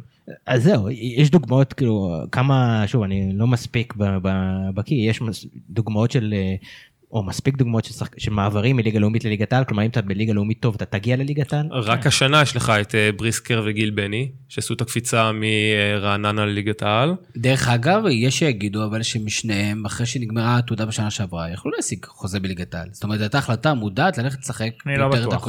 לא? אה, הם יכלו להשיג חוזה בליגת העל אולי. בריסקר אולי כן, מה- גיל בני אני לא בטוח כי גיל בני הוא אחלה שחקן אבל. ראו שזה שחק- זה שחקן של מלחמה ושל להישכב על הפרקט. הוא לא הציג איזה ארסנל התקפי מטורף מייקל בריסקר השתלט על משחקים אז הוא היה יכול יותר. ואיך הייתה השנה שלהם ברעננה? הם אה, הובילו את רעננה למקום ראשון בליגה בעונה הסדירה. בריסקר היה מדהים העונה. שניהם נתנו עונה מעולה, הם היו השחקנים המובילים ברעננה לצד הזרים. ואני חושב שלהתפתחות האישית שלהם זו הייתה עונה מושלמת. אני לא חושב שבליגת העל הם יכלו להשיג משהו כזה העונה. ואני בטוח שזה מאוד יעזור להם בעונה הבאה בליגת העל. גם חשוב להגיד שאי אפשר להסתכל על הנבחרת כ... לא כל האנשים האלה מקבלים את אותה בחירה, כי כמו שאמרנו קודם, חלק מהשחקנים פה, זו התקרה שלהם. אמ, או הם קרובים מאוד לתקרה שלהם. שחקנים כמו אה, ים וכמו עידן אה, אל- אלבר שבאמת נתן אליפות יוצאת דופן, יש להם עוד לאן זה, יש הרבה שחקנים שהבחירה ללכת לליגת העל, כמו שאסף אמר, יכולה לפגוע בהם, כי זה פשוט לא המקום. וזה חבל לבזבז שנים, כשהם יכולים להיות שחקני ליגה לאומית מאוד מאוד לגיטימית ומאוד מאוד טובים, ואולי זו התקרה, ואולי משם יתקדמו. שחקנים כמו דגן יבזורי הגיע מהלאומית וצמח, מורן רוט אה, הגיע מאשדוד וצמח, הש- יש הרבה השאלה שלי, דוגמאות. האם זה הם? האם כלומר, האם תינתן להם, האם לא נותנים להם את ההזדמנות? כלומר, האם זה היכולת שלהם, זה התקרה שלהם והם שחקני ליגה לאומית חלקם ואין מה לעשות, זה הטבע של הסיטואציה? או שהאם יש פה איזה סיטואציה לא, לא בריאה, נגיד של עודף זרים או לא משנה מה, שבגלל זה הם לא מגיעים לדרגים הגבוהים? כלומר, האם משהו חוסם אותם, משהו שהוא מעבר ל... ליכולת שלהם עצמם. יש, ג- לדעתי זה גם וגם, שוב, יש שחקנים שמן הסתם זו התקרה שלהם, כי סטטיסטית זו התקרה שלהם. יש פה גם עניין של ריבוי זרים בכדורסל הישראלי והסתמכות על הזרים במשחק הישראלי, אה, שזה מצחיק ריבוי זרים במשחק הישראלי, אבל מנסים, ניסינו לפתור את זה בכל מיני דרכי קסם שתכף נדבר עליהם שהם אה, כל מיני פתרונות קסם. אני לא, אני חושב שאם אתה שחקן טוב, אם אתה עובד מאוד מאוד קשה, אתה תצליח למצוא את המקום שלך, יש המון שחקנים בארץ שהצליחו, יש גם שחקנים שנחסמו על ידי עודף עמדות, אה, זאת אומרת עודף זרים בעמדות שלהם, בדרך כלל שחקנים גבוהים ישראלים קצת יותר קשה להם כי אנחנו מדינה של גארדים, אמ, אז לישראלים גבוהים קצת יותר קשה, והם צריכים להיות באמת או מאוד מאוד חזקים כמו עידו קוז'יקרו, או מאוד מאוד כישרוניים כמו ליאור אליהו. הם גם פורצים יותר מאוחר בדרך כלל. גם יותר מאוחר והסבלנות פה היא מאוד מאוד קצרה. אמ, אז זה כן מה שחוסם לדעתי, אבל גם מצד שני אנחנו קצת, קצת קפצו מעל הפוך במיוחד עם השביתה של השנה שעברה ואנחנו דיברנו על זה בפודקאסט הקודם אי שם בשנה שעברה, שמעמד השחקן הישראלי נרמס. בואו, כאילו יש פה איזשהו אה, פער, להבטיח דקות משחק לשחקנים ישראלים זה בעייתי בעיניי, ותכף. שנייה, אנחנו נדבר על זה. דרך אגב, עוד אחת מהאופציות, דיברנו על ליגה לאומית, דיברנו על ליגת העל. אנחנו לא רואים הרבה שחקנים שיוצאים לאירופה. ובאירופה יש ליגות, כמה ליגות חזקות מאוד, ויש גם ליג, ליג, ליגות אחרות ש, שיכולות, אפשר אולי יותר להתפתח, נכון, שחקנים יש פה- כנראה שיהיה שם יש פה שוק לדודו דהן. יש פה שוק דודו דהן קלאסי, בדיוק. דודו אה, דהן, כל פעם שסלטיק מחתימים שחקן, אני מסתכל על התגובות בטוויטר, וזה הדבר הכי מצחיק. The agent, דודו דדה, דה דודו דודו. זה היה כמו שיר של זה, עם דפנה דקל. אה, או של קווין, כן. ו- ואז מעניין אותי באמת כמה שחקנים כל החבר'ה האלה משחקים בחו"ל, אני יודע שיש את רו- את רוינה, לא, שהוא- רוינה היה אמור לשחק באלופת פינלנד, אבל הם עשו לו בעיות ורצו לרשום אותו כשחקן זר, אלא הוא מתחייב לשחק בנבחרת שלהם, לכן הוא חתם ביבנה, שזה כמעט כמו פינלנד. אה, כן, לא. פינלנד של ישראל היא בעצם יבנה, זה ידוע. כן, זה ערים slash מדינות תאומות. אה, כמעט, כן. נמציא שכן, מה אכפת, נבדוק. אה, מבין שחקני העתודה בשנים האחרונות, אני לא חושב שיש מישהו שמשחק בחו"ל. מההיכרות שלכם, ואם יש בנוער מישהו- יש. יש שמכיר. זה אתם. מההיכרות שלכם זה משהו ששחקנים ישראלים צריכים לחשוב עליו יותר? תסתכל למשל על ש- אה, שון דוסון, הוא משחק בשנה או שנתיים האחרונות בספרד. שהוא היה. כוכב-. ליגת העל. אה, שחקן אה. טוב בליגת העל. כן, דובר עליו על ירושלים, מכבי תל אביב, היה שחקן פותח בנבחרת, אין ספק. מירי רגב דיברה איתו באנגלית, וואו, זה היה... כן. אז ו? אז הוא משחק ב? ספרד, והוא נפצע בעונה האחרונה, אז... אבל הייתה לו שנה טובה מבחינת הייתה לו מספרים. שנה מבחינת מספרים לא רעה בכלל. אה, הליגה הספרדית היא אולי הליגה הטובה באירופה. אה, כנראה. אז היא חד משמעית הליגה הטובה באירופה. אמ, יש, היו ימים של ליאור אליהו בסקוניה, יותם אלפרין. טאו ויטוריה, כל השמות האחרים שהיו לה, יותם אלפרין היה באולימפיאקוס. למה אנחנו לא רואים יותר? אה, אם תעקוב אחרי יונתן קליין, אה, אתה תראה הרבה מאוד ישראלים מוזרים משחקים באירופה. נכון, אנטון שוטבין. אדם גזנובסקי. נכון, לא, יש... אה, חייב להיות אנטון בשביל זה. נבחרת הנוער יש לנו עכשיו, יש שחקן בשם גלעד לוי שמשחק באסטודיאנטס, שזו קבוצה טובה, סילבן לנצברג באקדמיה. שלהם. באקדמיה שלהם. איפה סילבן היום? עכשיו הוא עזר, עבר לסין. סין, קוריאה. ראיתי את זה. שבוע שעבר. אה, גוונג'ו?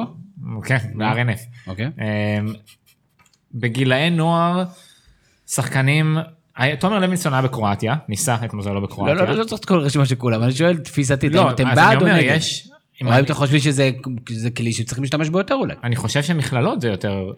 זה השאלה הבאה שלנו, לגבי מכללות. מי היום, היום יש ישראלים במכללות מלבד אה, במכללות אה, אה, לא גבוהות? ברגעים אלה אני לא בטוח. אה, דוגמה מהזיכרון זה פליישר, אה, עידו פליישר, שהיה. אה, במכללת הוואי ולא קיבל שם הרבה דקות, ובסוף הוא חזר לארץ והוא כן שחק באשדוד עונה שעברה, עונה הבאה או בגלבוע.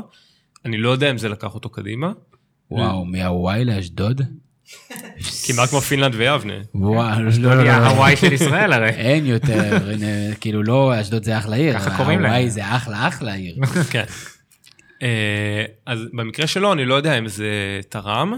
רומן צורקין שהיה אה, גם במכללות ועכשיו במכבי חיפה. אה, עוד פעם, זה דברים שקשה למדוד אותם. גם הצבא הוא קצת בעייתי בעניין המכללות. אה, כי הוא, אה, זה בעצם בג- נופל על הגילאים של הצבא, והצבא דורש שתגיע, וכמו כל עניין של ישראלי צעיר בחו"ל. אה, אז לפעמים זה תוקע אותם, כמו שתום מעיין נאלץ לעשות צבא בגיל 20 וקצת. אה, הוא נבחר למכללה טובה מאוד. לסיטון הול, שהיא אחלה מכללה לכדורסל, והיה לו המון המון בעיות עם הצבא על זה. אבל למשל, תום מעיין היה במכללות, נחשב כישרון מאוד גדול, היה בהפועל ירושלים, והיום הוא בליגה לאומית. עשינו פרק על המכללות, ויש עוד היבטים, היבטים כספיים, היבטים של מה זה להיות מקצוען, וכמובן אם אתה כבר איזה כוכב באיזה קבוצת נוער, אז כן, האופציה הראשונה היא ש-give a shot. אה, וגם ברמה. המנטלית זה לא קל, אנחנו מדברים על זה כאילו זה, לעבור לא. לעבור לבד, יש- בכדורגל זה יותר נפוץ. רגע, אתה מי עכשיו- כמוך אתה יודע. עכשיו מדבר על עצמך? גם. לא, בכדורגל זה יותר נפוץ ורואים את כל פעם את הסיפור הזה על הילד שמשחק באקדמיה של, תמיד זה חטאפה איכשהו, אבל זה תמיד חטאפה. תמיד חטאפה. אבל זה. קשה, זה קשה לקום ולעבור ככה ולהילחם על דקות. זה היה מעולה. אין ספק. בוא, בוא נדבר קצת על, התחלנו לדבר על מעמד השחקן הישראלי, ומעניין אותי לשמוע את הדעה שלכם לגבי החוק הרוסי. קודם כל תעשו לי שנייה סדר, שנה הבאה. אוקיי, זה, נג-? זה נקבע לפני משהו כמו רבע שעה. אה, זה יכול להיות להשתנה גם בעוד רבע דרך שעה. אגב, אני מבין, בשורה שמספרים לי כבר רק עכשיו, עדיין אפשר להחליף שחקנים על העונת 2018-2019.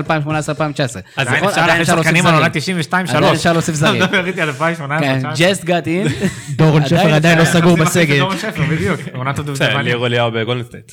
זה נכון, ליאור אליהו בגולדנסט. הזכויות שלו עברו בטרייד. הוא כבר לא בגולדסט, הוא עכשיו באשדוד. לא, לא, הוא עבר בטרייד. הוא עבר בטרייד, לא, ממש לפני חודש. אני- יודע, והוא עדיין באשדוד. צריך, דרך אגב, זה גם בצהוב כחול. לאשדוד, זה פחות או יותר כמו מהוואי לאשדוד. דומה. אה, אז מה שהעבירו ממש אה, לאחרונה, אגב, גם דובר על אה, מועד הרישום האחרון של השחקנים, דיברו על להקדים אותו לפברואר, לדעתי זה יהיה מאוד מאוד מבורך, אני לא בטוח אם זה עבר או לא. יישארו שם, לא יישארו קבוצות, כאילו כל הזרים שבורחים שם באמצע, פשוט לא יישארו קבוצות. לא, לא אמרו איזה שנה של פברואר. פברואר 2047, אנחנו עובדים לאט לאט. אה, אבל מה שאמרו שיהיה באמת אה, הגבלה של אה, עד ארבעה זרים, שאפשר לעשות גם זר חמישי, אבל זר חמישי הוא משלמים עליו קנס של חצי מיליון שקל, ואסור יותר מארבעה זרים בו זמנית על המגרש. אה, יש עוד כל מיני הגבלות כמו ש... עד שני מתאזרחים חדשים, שמתאזרח חדש זה אם הוא- יש לו ותק של פחות משלוש שנים בארץ, אם אני לא טועה. ו...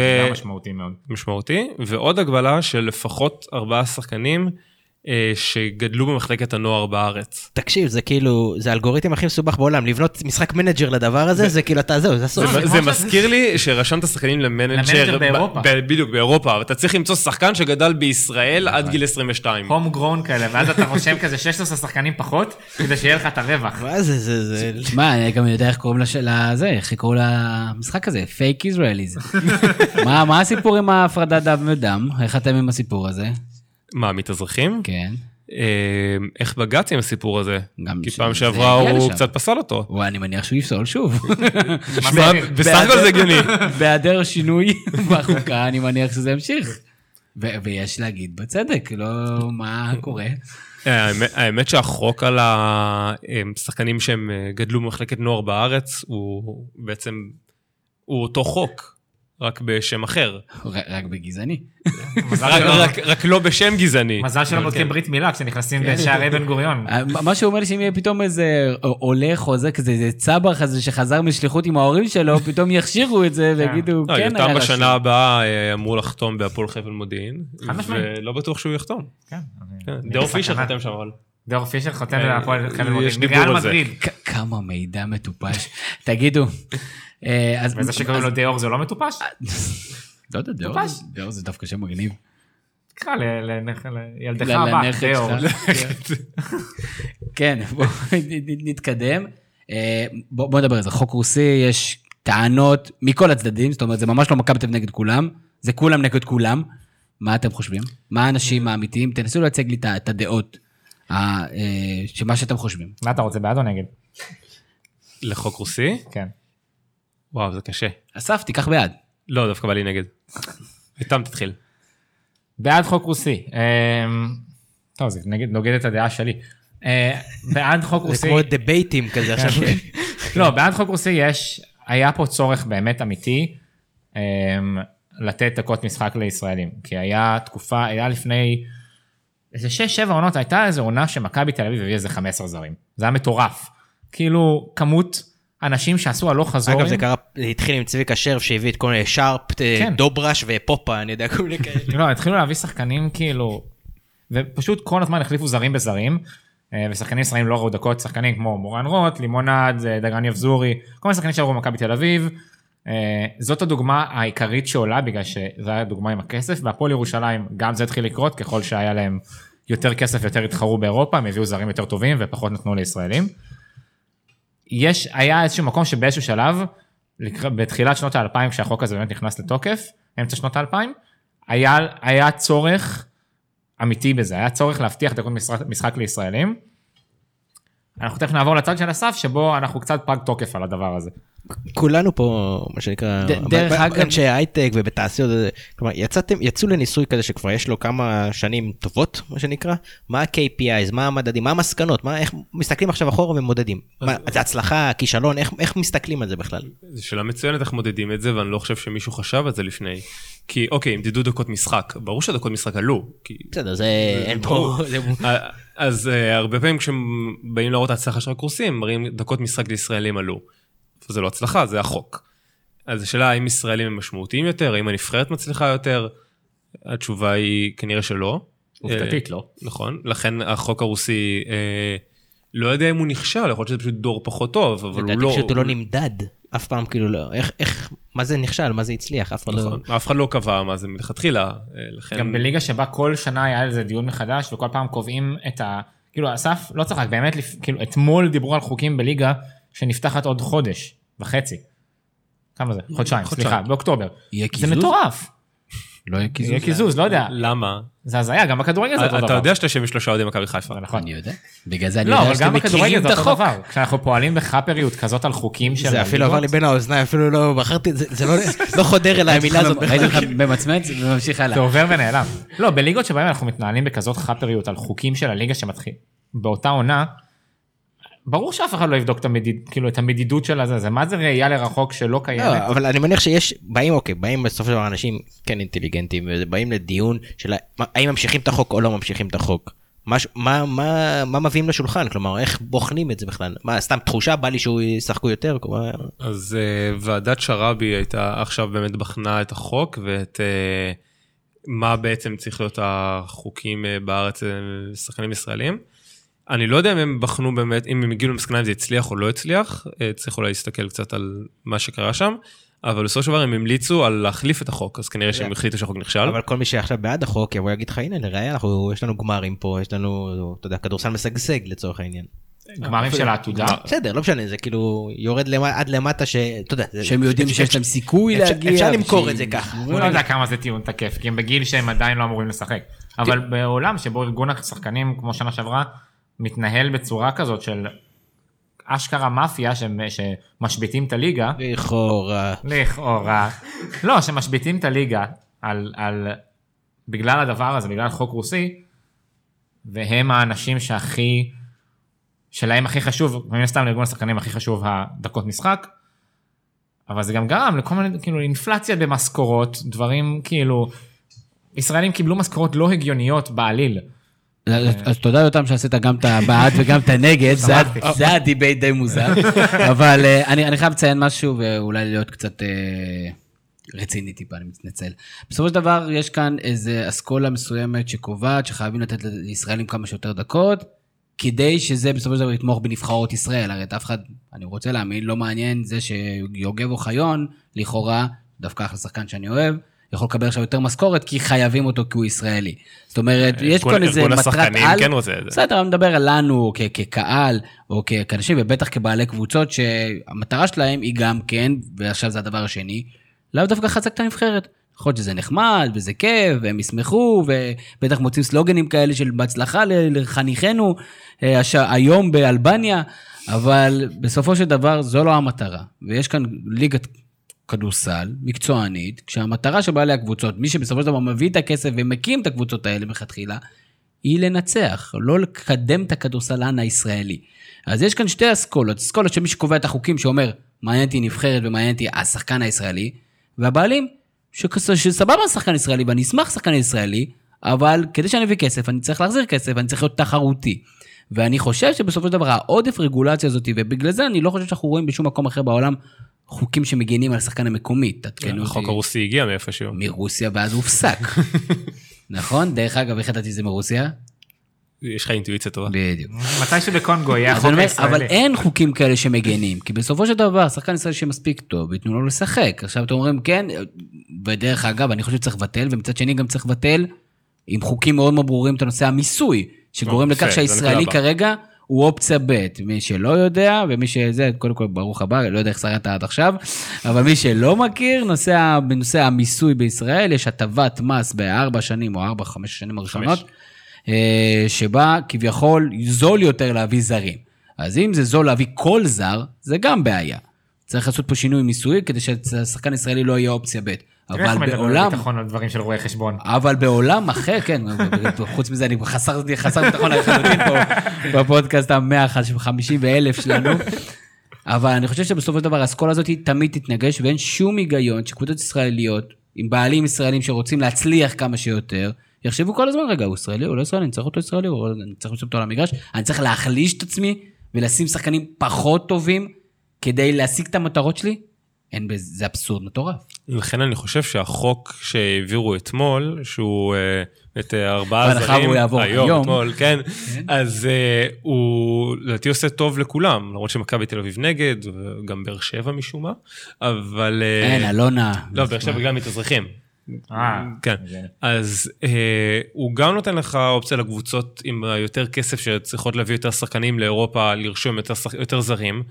הוא גם מבטיח לך תמיד ישראלי על המגרש, שנשמע לי סביר שתמיד יהיה ישראלי אחד על המגרש, והוא גם מבטיח לך שהספסל יהיה מורכב רובו ככולו מישראלים, שהם יכולים להיות אה, צעירים או ותיקים שישחקו. אבל שוב, אני, אני מדבר, סבבה, זה פתרון ביניים, או הרע במיעוטו, או לא יודע מה. בסופו של דבר, למה שלבעלים יקבעו מי ירכיב לו את הסגל? כי יש לך קהל, והקהל לא... מי אמר שהקהל, דיברנו על זה מקודם, שדני אבדיה, אחרי שלושה ארבעה משחקים, אם הוא לא יהיה טוב, הקהל יגיד, אוקיי, אני מעדיף לנצח ביורוליג, אני יש כאן ריאל מדריד, אני רוצה לתת לה בראש. יש לך יורוליג ויש לך גם ליגת העל. אה, אני מסכים איתך שליורוליגה כנראה האולם יהיה כמעט מלא, ישחקו זרים, ולמרות הזרים יהיה כמעט אולם מלא. אבל בליגת העל, לראות משחק של אה, חמישה אמריקאים מול חמישה אמריקאים, אה, זה משהו שהקהל לא מתחבר אליו. במיוחד. שהאמריקאים מתחלפים כל יום. אז בכלל אין להם למי להתחבר. אני, אני לא בטוח, אני חושב שכולם חושבים שזה המצב, ואני לא בטוח שזה המצב. אה, אני יודע להגיד לך מהקבוצות שאני נמצא בהן, מהדעות שאני שומע,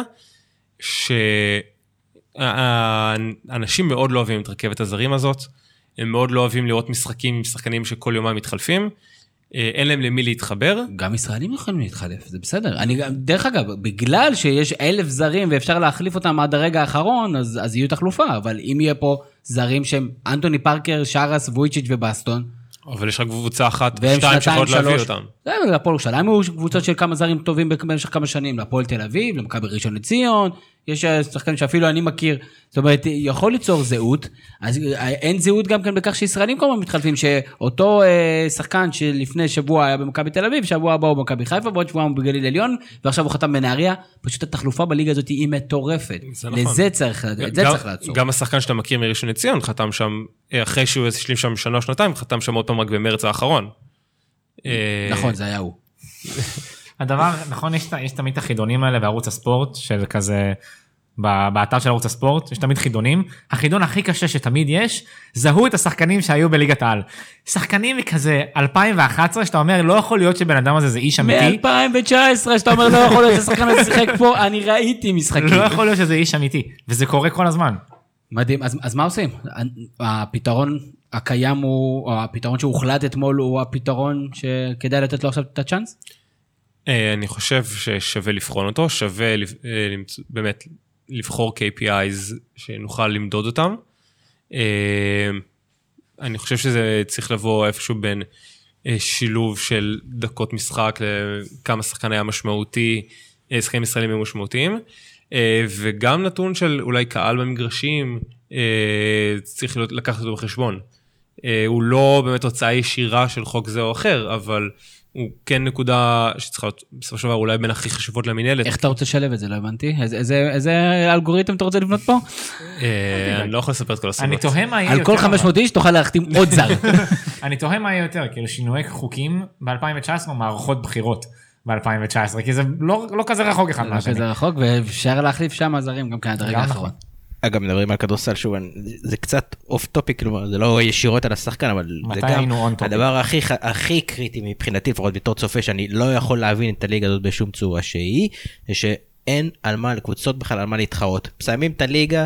אני לא מבין באמת אני לא מבין למה אם מישהו משקיע בזה כסף זה אשכרה כדי להיות מטורף לחלוטין. אין לך שום incentive לנצח או להגיע להיות מקום ראשון כי לא קורה שום דבר בעצם. זה הכל כל האירופה זה הכל על בסיס התנדבות. בא לי לשחק באירופה לא בא לי לשחק באירופה. ואגב אורי אלון בהפועל ירושלים הוא נשבר הוא הראה שהוא לא הליגה יורוליג זה מקום שהוא לא יכול להגיע אליו, לא משנה כמה זה, אז הוא אמר, אוקיי, fuck it, כאילו, אני לא צריך את זה, אני מניח שזה השיקול.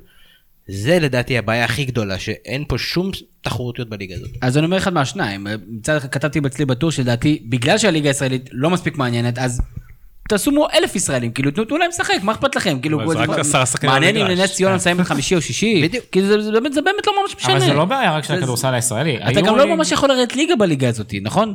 כאילו, אה, אתה לא ממש יכול ליגה. לרדת, בוא אה, נודה על האמת. אני בכיתי שנה שעברה עם ירידת. ליגה. כן, רק בשביל שתעלו בצורה מרגשת. מכבי חיפה תגיד אחרת, אבל לא, א', הבעיה הזאת קיימת בהרבה ליגות, כי היורוליג היא ליגה פרטית, היורוליג זה כל המאבק שלהם עם עכשיו אה, זה, עם פיבה.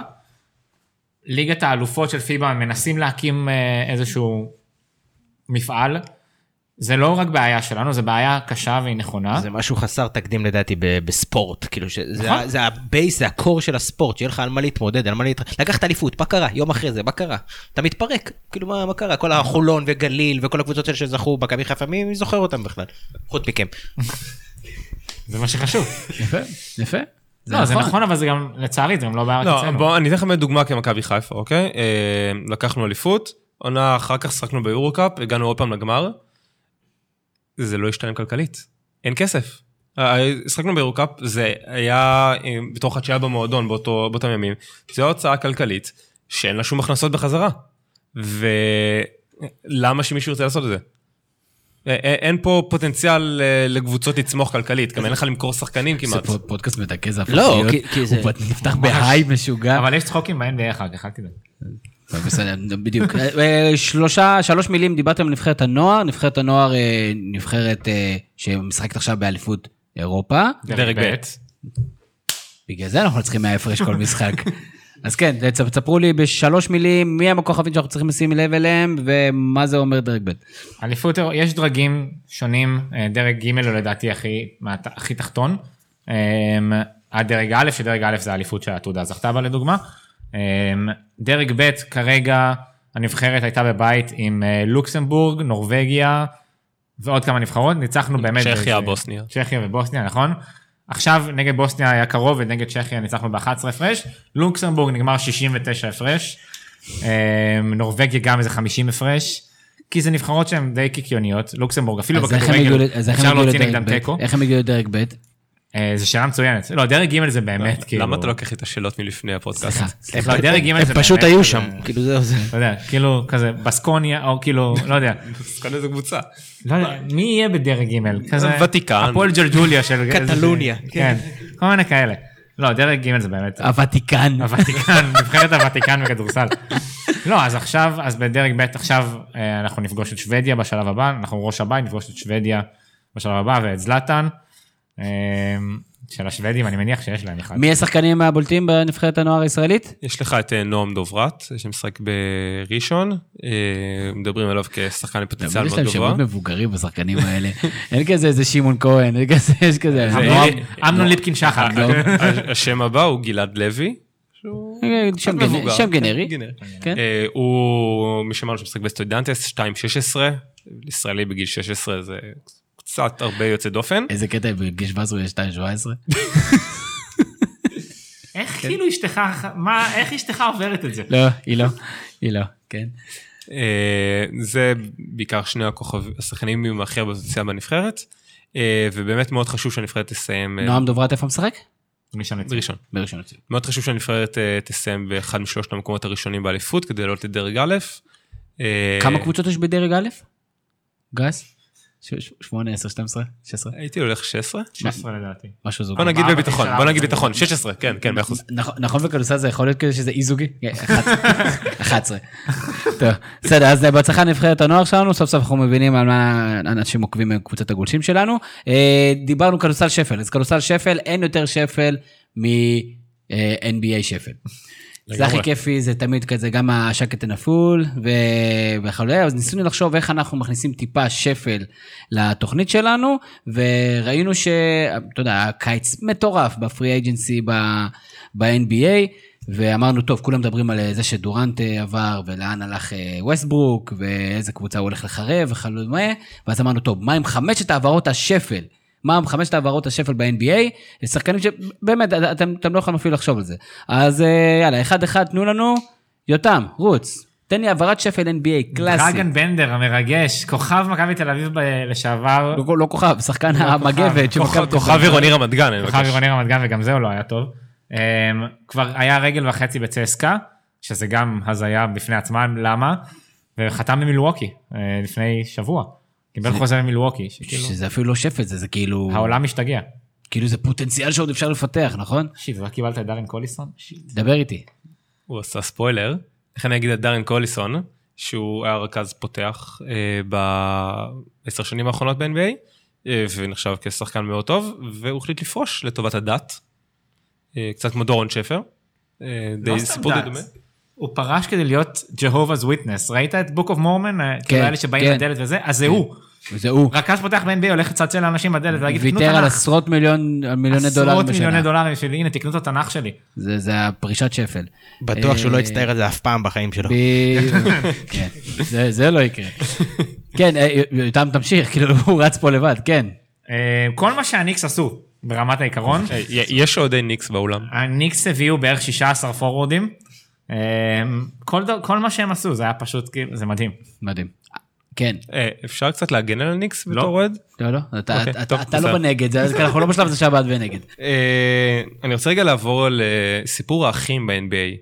אוקיי. אוקיי. אה, יש לנו בשנים, בשנה הקרובה את אה, יאניס ו... איזה אח זה שלו? פנסס תודה.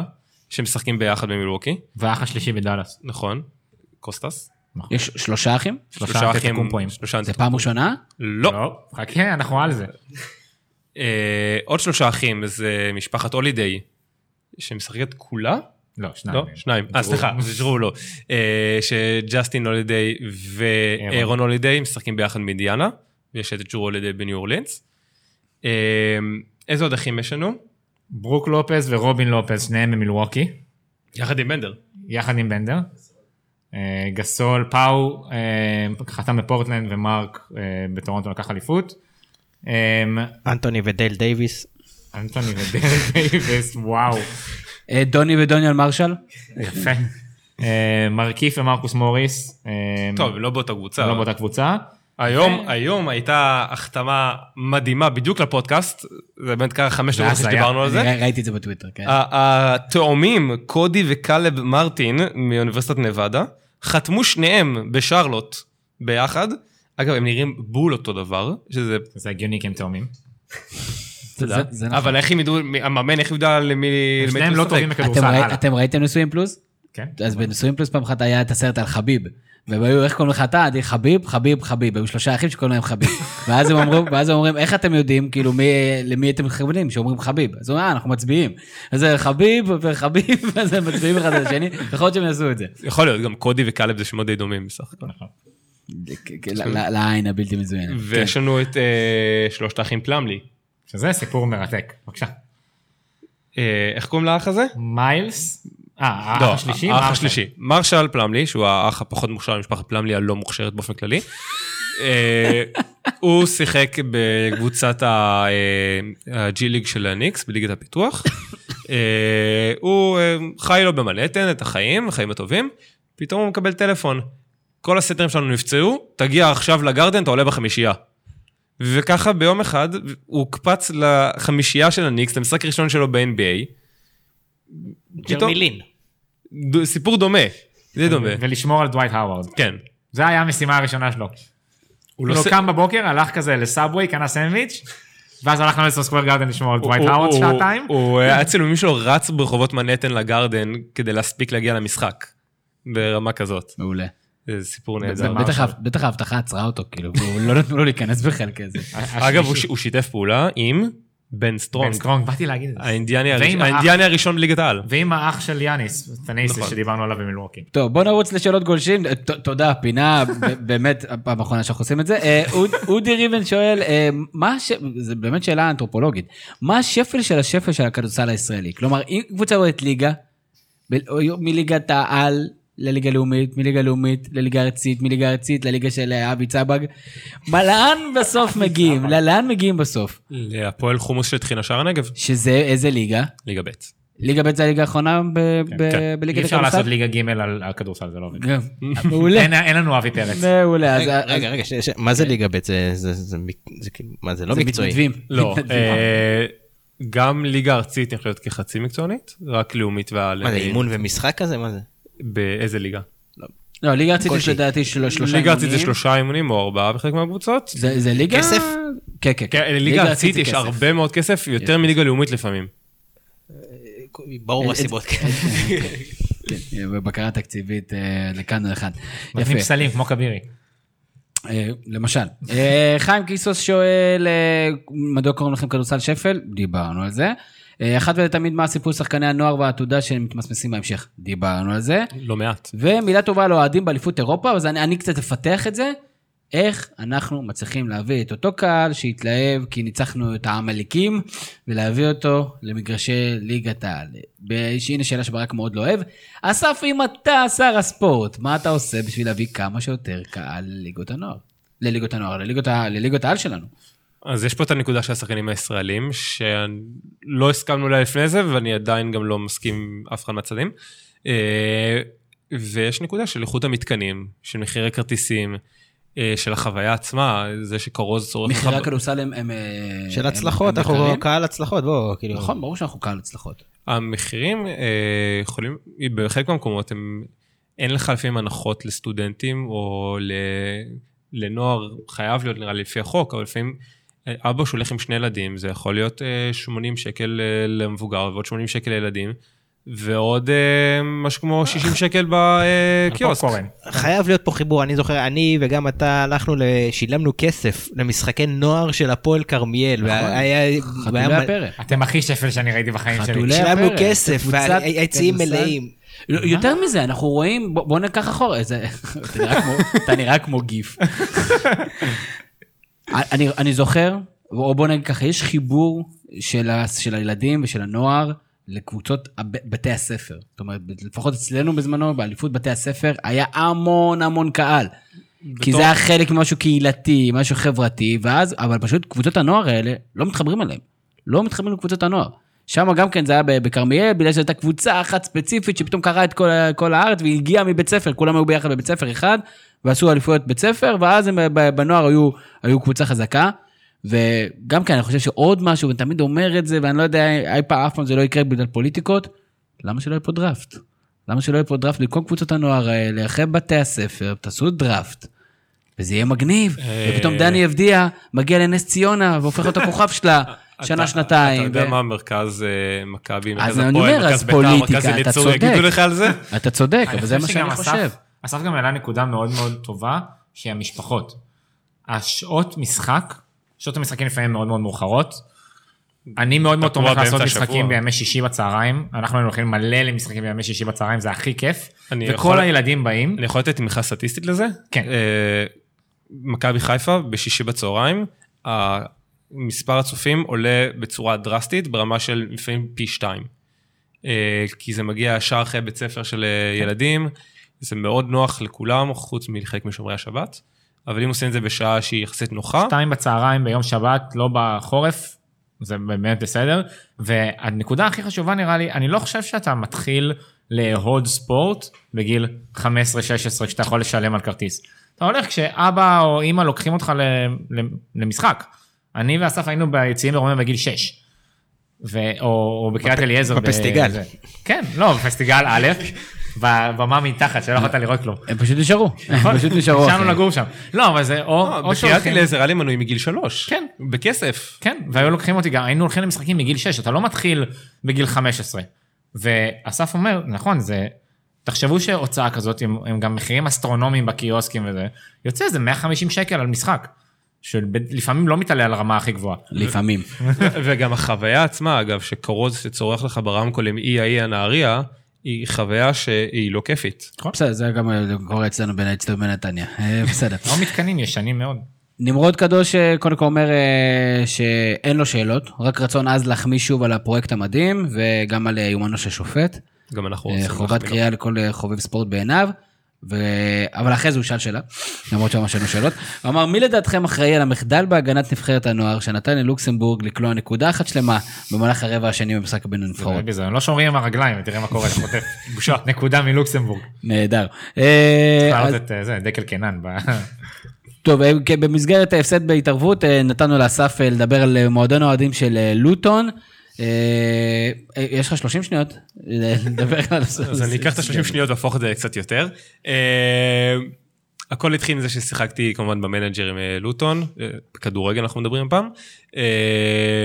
כמו סיפור רגיל, לקחת מליגה רביעית, אתה מגיע לאירופה, תארים וזה. ואז נסענו יותם ואני ללונדון. ואשתך. אל תקשיבי. אה, ושלחתי מייל ללוטון, אה, היי, אני האגדה אצלכם, אתם כמובן כולכם מכירים אותי, אה, אני מגיע אה, ללונדון אה, השבוע, רציתי לדעת אם אפשר לבוא לעשות סיור במתקנים, הרי השם שלי מתנוסס עליהם. אה, והם ענו לי ברצינות לגמרי. אה, אמרתי, אנחנו רוצים את המייל הזה. אני אשלח לכם, אין שום בעיה. אה, נתתי להם שני תאריכים שאנחנו יכולים, אמרו, בשניהם בדרך כלל המשרד סגור, אני אבוא בשבילכם, זה הנציג הקהל, אני אבוא, נעשה לכם סיור, אה, ובאמת באו בשבילנו במיוחד, זה היה ביום ראשון, אה, ועשו לנו סיור אה, באצטדיון, אה, הראו לנו את החדרי הלבשה, חדרי- קבוצה שהייתה בליגה שלישית באותו זמן, נשים את התמונות. כמובן, אה, תכנסו פשוט לעמוד. אה, הם עשו לנו סיור בחדרי הלבשה, בחדרי תקשורת, בכל החדרים ל-VIP, על הדשא עצמו, יש לנו תמונה על הספסל, כאילו אנחנו המאמנים. בינתיים יותם מראה את מה שאתה מראה, זה- זה נראה כמו מצגת. אה, ונתנו לנו צעיף במתנה. שלא נצטרך להשקיע בסוף משהו. לא היית צריך לעשות איזה מועדון פוראבר בשביל הסיפור הזה? לא, לא עשיתי שום דבר, הם היו סופר נחמדים. אה, עד היום אנחנו בקשר במיילים, הם עלו, עלו השנה מהליגה השלישית לצ'מפיונשיפ. תוך אה, עונה אחת. תוך עונה אחת, תוך שנתיים. תוך עונה אחת הם עלו מליגה שלישית לליגה שנייה. תוך שנתיים מליגה רביעית לליגה שנייה. אוקיי. זה הנקודה. אתה נותן להם- טיפים מקצועיים? אה, לא, אנחנו כן בקשר במיילים, אה, אה, נתנו לי דרך לראות את משחק העלייה באינטרנט. ממש אחלה חבר'ה. קנית- קנית אותי, זהו. הם בונים איצטדיון של איזה 25 אלף איש, כן. שהוא הרבה יותר מרשים מבלומפילד בלי הגג. ובאמת בעקבות זה הש- אה, השנה פתחתי את אה, עמוד האוהדים אה, בארץ. אה, תוך פחות מחודש הצטרפו מעל 100 100 איש, אני לא מבין למה, מה נזכר איתכם. אה, אבל אפילו אנשים ביקשו ממני לינקים לצפייה ליום שישי הקרוב למשחק פתיחת עונה, ותקציר למשחק ידידות. יש אנשים מוזרים יותר ממני. אה, אני חייב להגיד שחלוקת הזמן בעולם היא לא שוויונית. עכשיו יש איזה מישהו באפריקה שסוחב איזה, עכשיו משהו והוא מסתכל על לוטון. זה- אני עושה בעבודה. בסדר, אוקיי. יפה מאוד. אה, מטרות של מועדון האוהדים של לוטון?